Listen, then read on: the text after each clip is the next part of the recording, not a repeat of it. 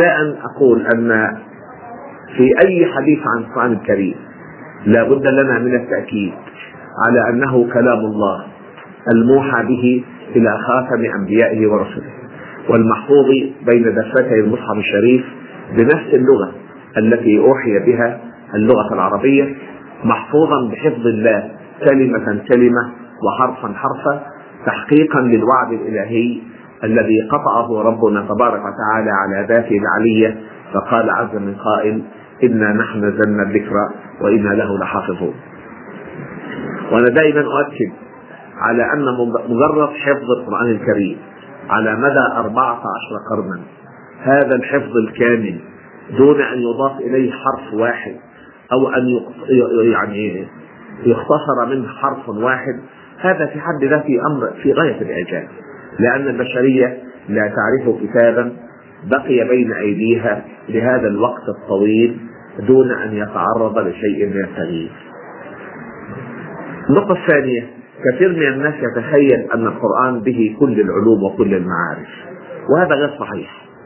لو أريد للقرآن أن يحوي كل المعارف لكان عدد ضخم من المجلدات لا يطيق إنسان قراءته والإيمان به فضلا عن حفظه وفهمه القرآن هو في الأصل كتاب هداية.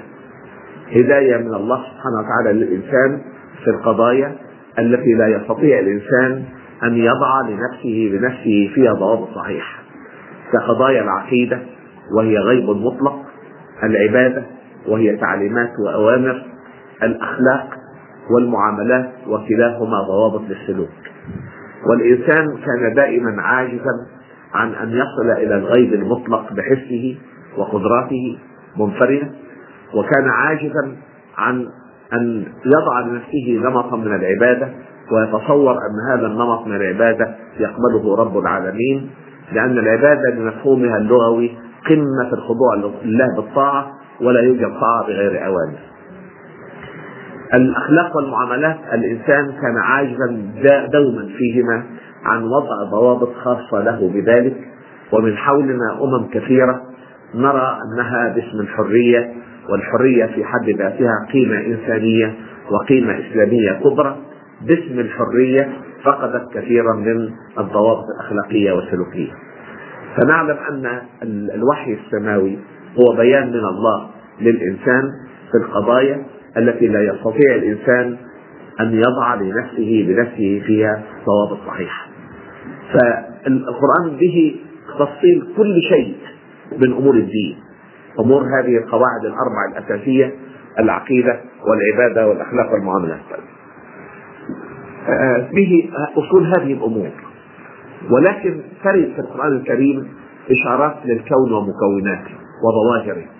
وهذه الاشارات ليست من قبيل الإخبار العلمي المباشر لأن كل قضية يعلم ربنا تبارك وتعالى بعلمه المحيط أن الإنسان قادر على الوصول إليها بحسه المحدود وقدرات عقله المحدودة تركت بإجتهاد الإنسان.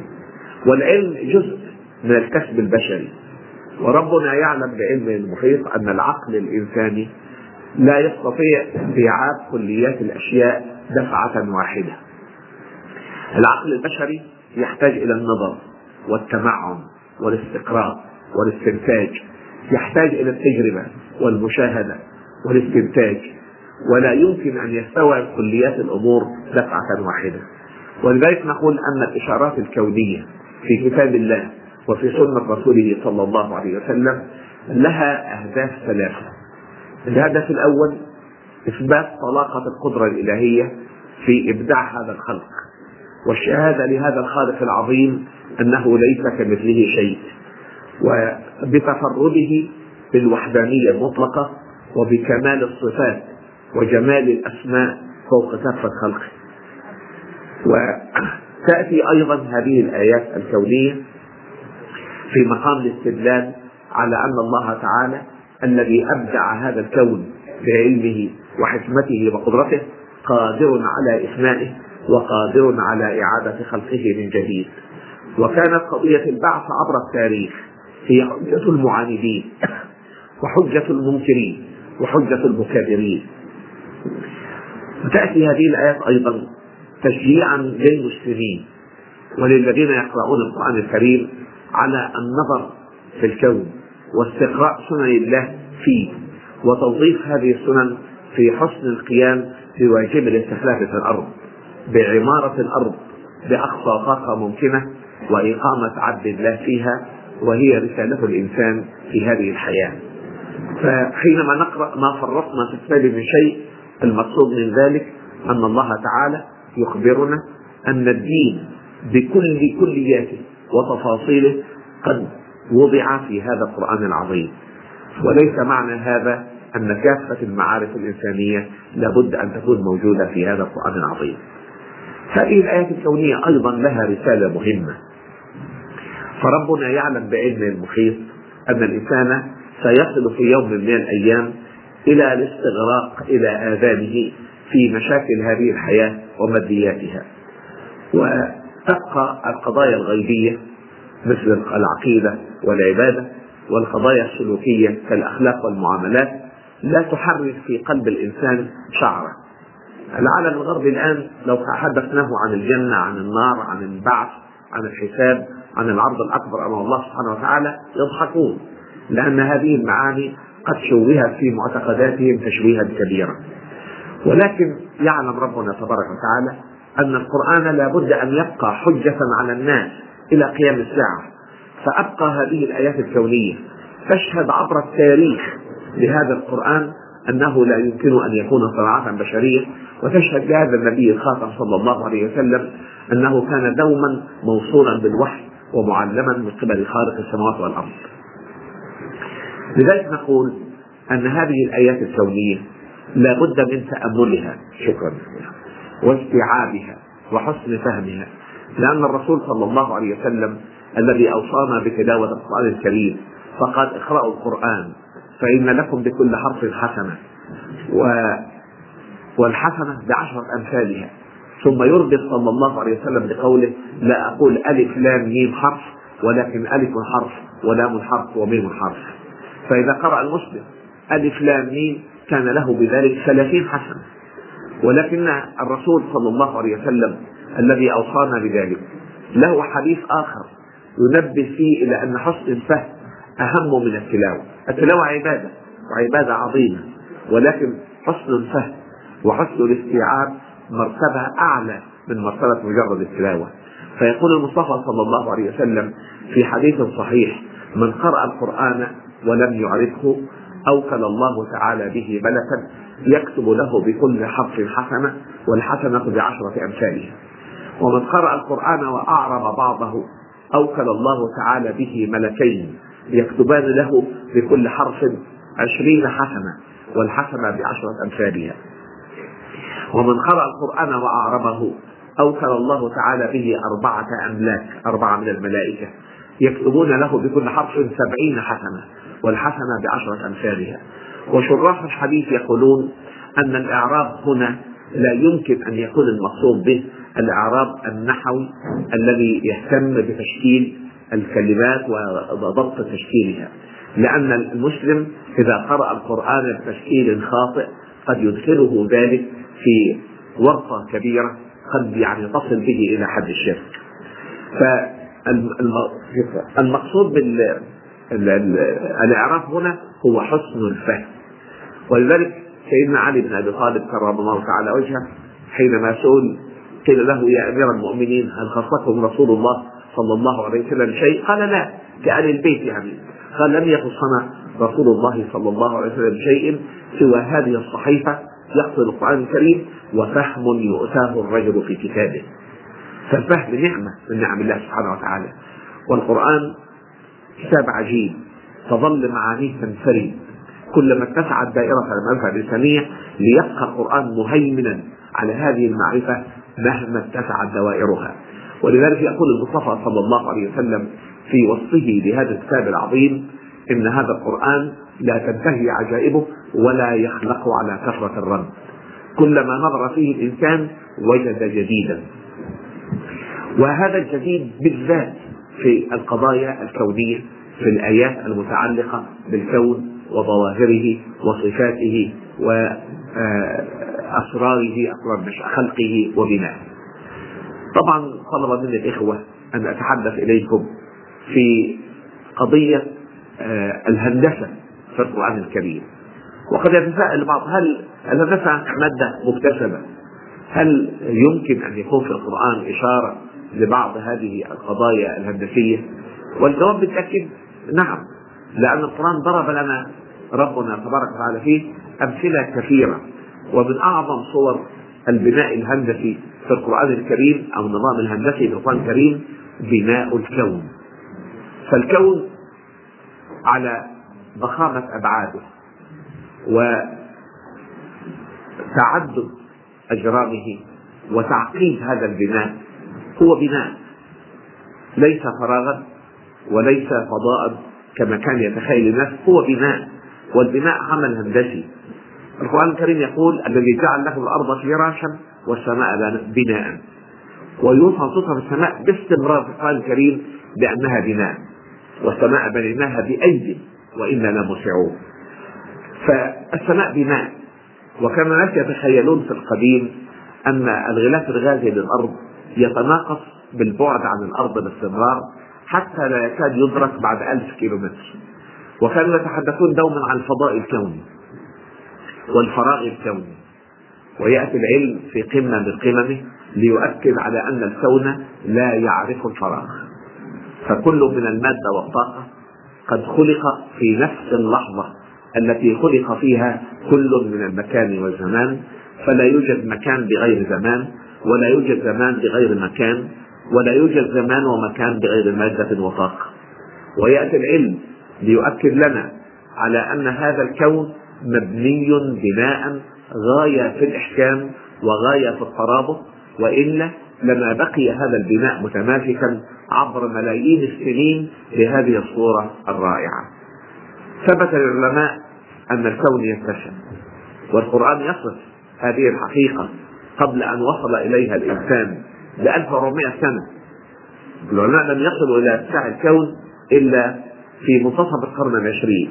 لاحظوا شيئا من ذلك في بدايات القرن العشرين ولم يتأكدوا من حقيقة توسع الكون إلا بعد منتصف القرن العشرين.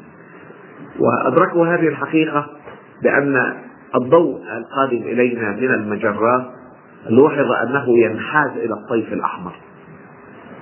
وهناك تجربة فيزيائية بسيطة قام بها العلماء على الأرض ولاحظوا من صوت القطار. إذا كان قطار قادم إلى محطة قطارات كل ما قرب القطار من المحطة تتضاغط موجات الصوت فتسمع نبرة الصوت عالية. وإذا بعد القطار عن هذه المحطة تتضاعف نبرات الصوت فحتى يتلاشى بالكامل.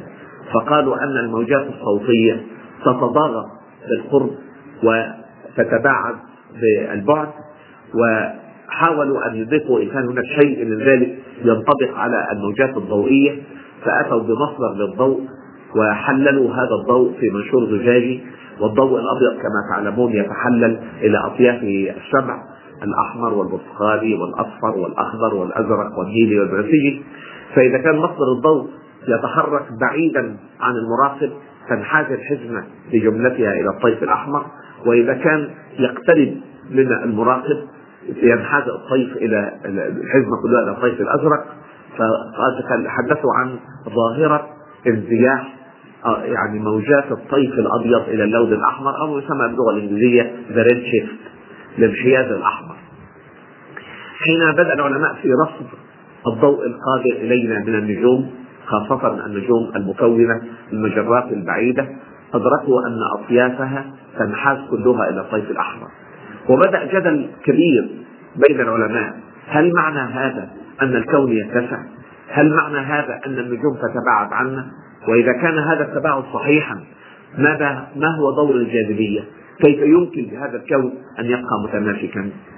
فأتت الاستنتاجات بعد ملاحظات استمرت عشرات من السنين لتؤكد على أن اتساع الكون ظاهرة تقوم بها المجرات فالمجرات تتباعد عنا وعن بعضها البعض بسرعات تقترب أحيانا من ثلاثة أرباع سرعة الضوء 300 ألف كيلومتر في الثانية وأن هذا التباعد يؤدي إلى فراغات تمتلئ فورا بالمادة من حيث لا يدرك الإنسان. كما أدركوا أيضا أن المادة تتلاشى إلى العدم تخلق من العدم وتتلاشى إلى العدم في صفحة السماء التي يدركها الإنسان. ولاحظ العلماء أن الجاذبية تربط أجزاء هذا الكون بدقة فائقة للغاية وأن هناك قوى عديدة تمسك بأطراف هذه السماء. والقرآن الكريم يقول إن الله يمسك السماوات والأرض أن تزولا ولئن زالتا إن أمسكهما من أحد من بعده إنه كان لطيفا خبيرا. فالإمساك بأطراف السماء السماء وبأجرامها العديدة آية من آيات الله وشهادة من شهادة عظمة هذا الخلق التي تدل على عظمة الخالق سبحانه وتعالى. السماء التي ندركها وهي جزء صغير من السماء الدنيا يقدر العلماء أن قطرها يزيد عن 24 ألف مليون سنة ضوئية. سنة ضوئية 9.5 مليون مليون كيلومتر. بالجزء المدرك من سماء الدنيا 200 ألف مليون مجرة على الأقل. بعضها أكبر من مجرتنا كثيرا وبعضها أصغر قليلا. ومجرتنا سكة التبانة يحصل العلماء أن بها أكثر من مليون مليون نجم كشمسنا. كل نجم من هذه النجوم له توابعه كما أن شمسنا لها توابع كواكب وكويكبات وأقمار ومذنبات وشهب ونيازك كل هذا كل جرم من هذه الأجرام يتحرك بسرعات فائقة في مدارات محددة مرتبطة ببعضها بعض مع بعضها البعض بقوانين الجاذبية. ويقول علماء الفيزياء في زماننا أن هناك أربع صور للطاقة التي تمسك بالأشياء في صفحة هذه السماء. الذي نراه جزء صغير من السماء الدنيا فوق ذلك سماء ثانية وثالثة ورابعة إلى السابعة ثم فوق ذلك يعني سدرة المنتهى ثم عرش الرحمن سبحانه وتعالى.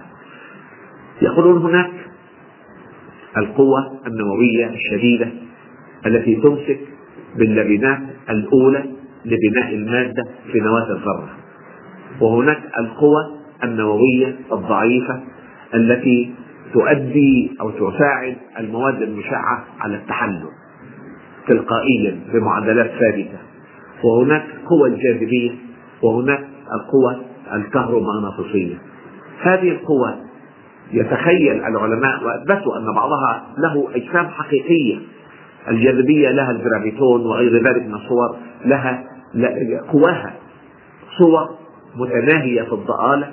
تتحرك في صفحة هذا الكون لتمسك بأطرافه إمساكا محكما للغاية في داخل الذرة في نواة الذرة وفي رباط الإلكترونات مع الذرة كما تحكم بناء المجرات والمجموعات الشمسية والتجمعات المجرية العظمى على اختلاف أبعادها وأحجامها ومكوناتها. هذا الكون الشاسع الاتساع الدقيق البناء المحكم الحركة المنضبط في كل أمر من أموره صغيرها ودقيقها وعظيمها وجليلها هو بناء ولذلك توصف السماء باستمرار بأنها بناء والبناء يحتاج إلى شيء من التصميم الدقيق والإحكام الدقيق في ربط أجزاء هذا البناء ببعضها البعض. عالم معاصر اسمه ستيفن هوكينج رجل مقعد يتكلم عن طريق الكمبيوتر ولكن عوضه ربنا تبارك وتعالى بذاكرة واعية وبعقل متفتح يشغل كرسي نيوتن للفيزياء النظرية في جامعة كامبريدج ويعتبر عقلية يعني من العقليات العلمية المتميزة في زماننا. كتب كتابا عن خلق الكون. يقول فيه ثبت لنا أن هذا الكون قد بدأ بانفجار عظيم. نظرية الانفجار العظيم هي إحدى النظريات السائدة لتفسير نشأة الكون في زماننا. ولها من الشواهد الحسية العديدة ما يدعمها ونحن كمسلمين نرقى بها إلى مقام الحقيقة لمجرد وجود إشارة لها في كتاب الله حيث يقول ربنا تبارك وتعالى بسم الله الرحمن الرحيم أولم يرى الذين كفروا أن السماوات والأرض كانتا رتقا ففتحناهما وجعلنا من الماء كل شيء حي. والرتق في اللغة عكس الفتق الرتق هو الجمع واللم والتكبيس والفتق هو الانفجار والانتشار والانتصار. يقول ستيفن هوكينج ثبت لنا أن الكون قد بدأ بعملية انفجار عظيم. ويقول أن الانفجار يؤدي عادة إلى تناثر المادة وبعثرتها ولكن الانفجار يؤدي إلى بناء بهذه الضخامة وبهذا الاتساع بناء منضبط في كل أمر من أموره في كتل الأجرام في تحديد مداراتها في سرعات تحركها في علاقاتها مع بعضها البعض لا بد أن يكون قد سبق هذا الانفجار تقدير عليم حكيم قدير. ولذلك نقول أن الكون هو كتاب الله المنظور. كما أن القرآن الكريم هو كتاب الله المقروء فالكون هو كتاب الله المنظور. ولذلك يحض يحضنا ربنا تبارك وتعالى في هذا الكتاب العظيم حظا على النظر في الكون واستقراء سنن الله فيه لإدراك شيء من عظمة الخالق سبحانه وتعالى وشيء من قدرة هذا الخالق العظيم الذي أبدع هذا الكون بعلمه وحكمته وقدرته والذي هو قادر على إفنائه وعلى إعادة خلقه من جديد. ويدلنا ذلك أيضا على أن في النظر في الكون وسيلة من وسائل كسب العلم الكوني استقراء سنن الله في الكون وتوظيفها في حسن عمارة الحياة على الأرض. فالكون بناء وبناء شديد الإحكام شديد الانضباط شديد التقدير حسن التقدير في أبعاد الأجرام وكتلها وأحجامها وسرعات حركتها. ولادلكم على شيء من ذلك أن المسافة بيننا وبين الشمس تعتبر مسافة متوسطة ليست بالكبيرة. إلى حد أن لا يصل لنا شيء من حرارة الشمس وإشعاعها وليست بالقليلة التي تحرقنا فيها أشعة الشمس بما تنتجه من كميات هائلة من الطاقة. المسافة بيننا وبين الشمس 150 مليون كيلومتر. والذي يصلنا من طاقة الشمس وهي كمية هائلة للغاية يقل عن واحد على ألف من مما تنتجه أو ينتجه هذا النجم لو قلت هذه المسافة قليلا لأحرقتنا حرارة الشمس لبخرت الماء وخلخلت الهواء وقضت على الحياة بالكامل. ولو كنا أبعد قليلا. كنا أبعد قليلا من الشمس. لتجمدت الحياة كل صور الحياة تجمدت بالكامل. فبعدنا عن الشمس بعد محدد بدقة فائقة وبحساب دقيق لا يقدر عليه إلا رب العالمين. ومن الغريب أن يأتي العلم الحديث ليؤكد لنا على أن الشمس تفقد من كتلتها في كل ثانية خمسين مليون طن. عفوا خمسة ملايين من الأطنان في كل ثانية. تفقد الشمس من كتلتها لأن يحترق الإدروجين تتحد نوع ذرات الإدروجين مع بعضها البعض منتجة ذرات الهيليوم وتنطلق الطاقة هائلة. خمسة خمسة ملايين من الأطنان من الهيدروجين تخرج على هيئة أو من اللبنات الأولى للمادة تخرج على هيئة الطاقة. الطيف الأبيض الضوء الأبيض والأشعة تحت الحمراء والأشعة فوق البنفسجيه إلى غير ذلك من صور الطاقة. هذا الفقدان كان لابد أن يؤدي إلى اختلال المسافة بيننا وبين الشمس. لأن لو ضعفت أو قلت كتلة الشمس مع احتفاظ الأرض بكتلتها لا فلتت الأرض من جاذبية الشمس وتاهت في فسحة الكون وتجمدت الحياة على سطحها أو فطمت فطمت بجرم من أجرام السماء وأدت إلى هلاكها وهلاك كل ما عليها ومن عليها. ولو فقدت الأرض أكثر مما تفقد الشمس لابتلعتنا الشمس. حيث درجة الحرارة 15 مليون درجة مئوية في جوف الشمس فتتحول الأرض بكل ما عليها إلى حالة هلامية يسميها علماء الفيزياء حالة البلازما تنحل فيها الإلكترونات عن نوى الذرات وتتصارع هذه الجسيمات الأولية في حركة شديدة للغاية. يسميها علماء الفيزياء حالة البلازما حالة عجيبة. تنحل كل عرى المادة في داخل هذه الحرارات العالية للغاية. وبما أن الشمس تفقد من كتلتها خمسة ملايين من الأطنان في كل ثانية لابد أن تفقد الأرض من كتلتها قدرا مناسبا حتى تظل العلاقة بين الأرض والشمس علاقة ثابتة. والقرآن يخبرنا بهذه الحقيقة المبهرة التي يقول فيها ربنا تبارك وتعالى أولم يروا أن نأتي الأرض ننقصها من أطرافها؟ والله يحكمنا معقب الحكم وهو سريع الحساب. وتأتي الدراسات العلمية لتؤكد لنا على أن أرضنا الابتدائية كانت على الأقل مئة ضعف حجم الأرض الحالية. مئة ضعف. وأن الأرض تنكمش على ذاتها باستمرار بمعدلات ثابتة. تتناسب مع ما تفقده الشمس من كتلتها في كل ثانية. تفقد الأرض عن طريق فوهات البراكين وما يندفع عبرها من أبخرة وغازات ويعني هباءات دقيقة جدا للمادة تتغلب على جاذبية الأرض وتنطلق إلى فسحة السماء لتظل هذه العلاقة منضبطة بين الأرض والشمس وتظل هذه المسافة منضبطة فلا يصلنا كم أكبر من حرارة الشمس ولا نفقد قدر من حرارة هذه الشمس. القرآن يلح على أن السماء بناء محكم بناء دقيق بناء مبني بضوابط علمية عظيمة. ولذلك يقول ربنا تبارك وتعالى في إحدى الآيات القرآنية الكريمة. ولو فتحنا عليهم بابا من السماء فظلوا فيه يعرجون لقالوا إنما سكرت أبصارنا بل نحن قوم مسحورون. والباب لا يفتح في فراغ. الباب لا بد أن يفتح في بناء. ولو فتحنا عليهم بابا من السماء فالسماء بناء ويفتح فيها باب لأن الباب لا يفتح في فراغ. ولو فتحنا عليهم بابا من السماء فظلوا فيه يعرجون. والظرف ظل هنا يشير إلى ضخامة الأبعاد في فسحة هذه السماء يشير إلى عظم هذا الاتساع الذي يقدر قطره بملايين السنين الضوئية بل بآلاف الملايين من السنين الضوئية. آه ثم يقول القرآن الكريم فظلوا فيه يعرجون والحركة في السماء يصفها القرآن الكريم دائما بالعروج.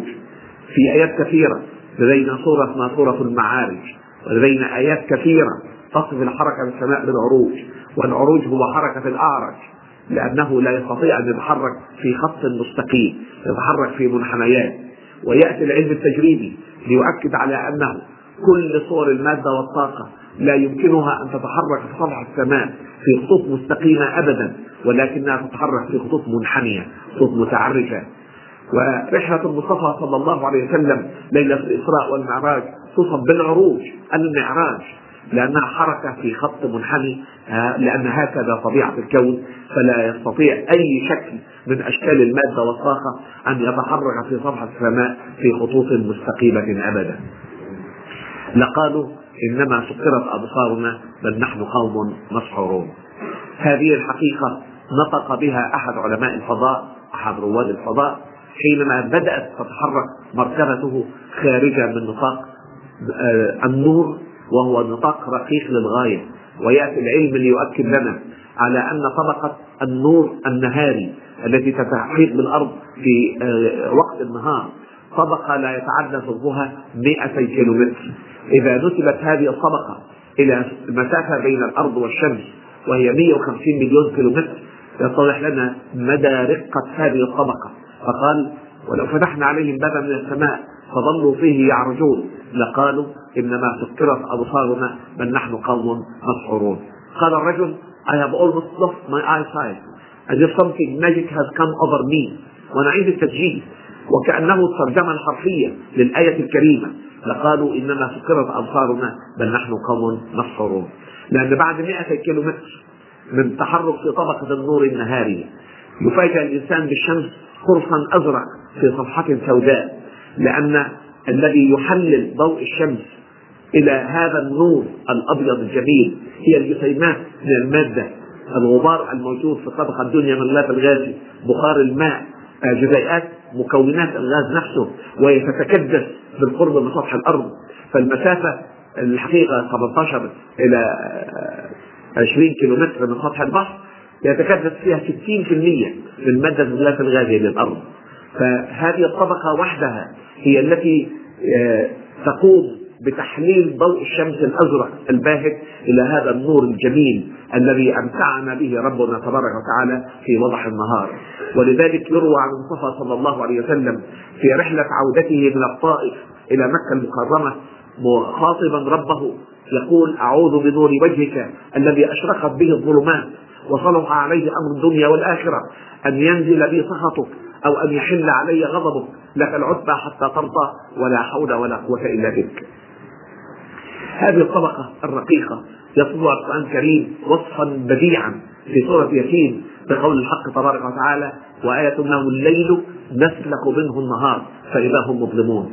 من كان يدري من كان يدرك قبل 1400 سنة أن طبق النهار طبقة رقيقة للغاية ويشبهها القرآن الكريم بجلد الذبيحة أنه الليل نسلخ منه النهار فإذا هم مظلمون.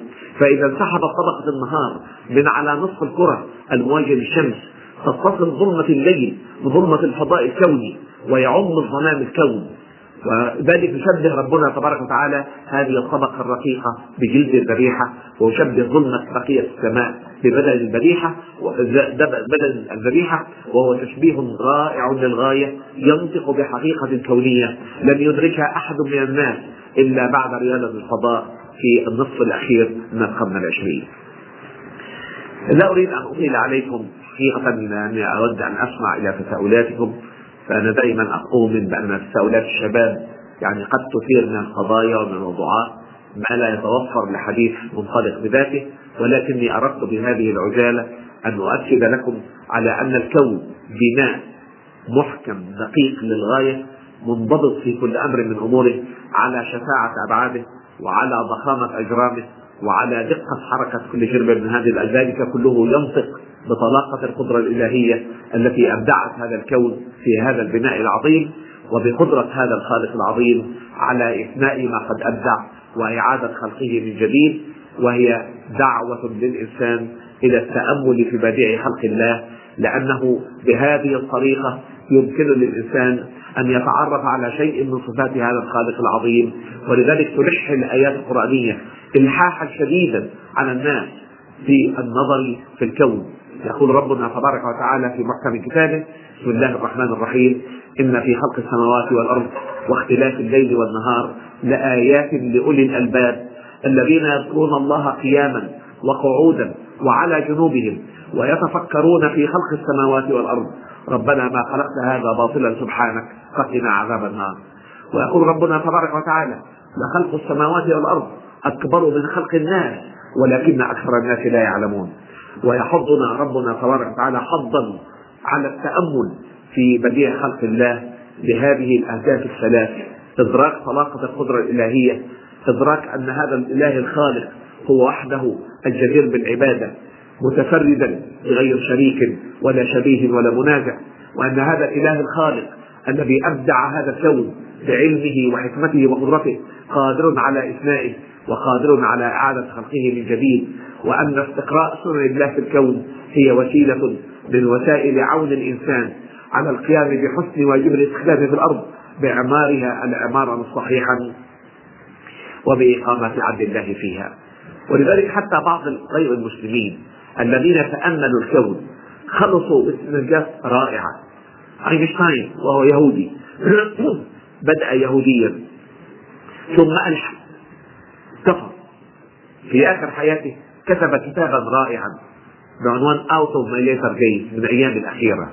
يقول فيه إن أعظم خاطرة يمكن أن تجيش بها النفس الإنسانية هي تلك المعاني التي تنفعل في ذات الإنسان حينما يقف متأملا في هذا الكون فيدرك بحسه المحدود وقدراته المحدودة أنه أمام ظلام دامس ولكنه يستطيع أن يكتشف من وراء هذا الظلام جمالا ما بعده جمال وكمالا ما بعده كمال وقدرة ما بعدها قدرة.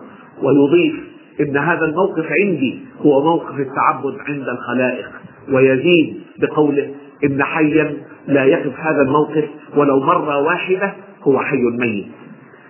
وحينما صدر كتابه يعني عقد له مؤتمر صحفي فوقف صحفي يهودي أيضا أمريكي يقول له إني لاعجب من الرجل الذي حبس الطاقة في معادلة أن يخشى الله. فقال له أينشتاين اخرس يا فليمنج أنا لست ملحدا إني أؤمن بالله. وهذا إيمان فطري نبع من النظر في الكون.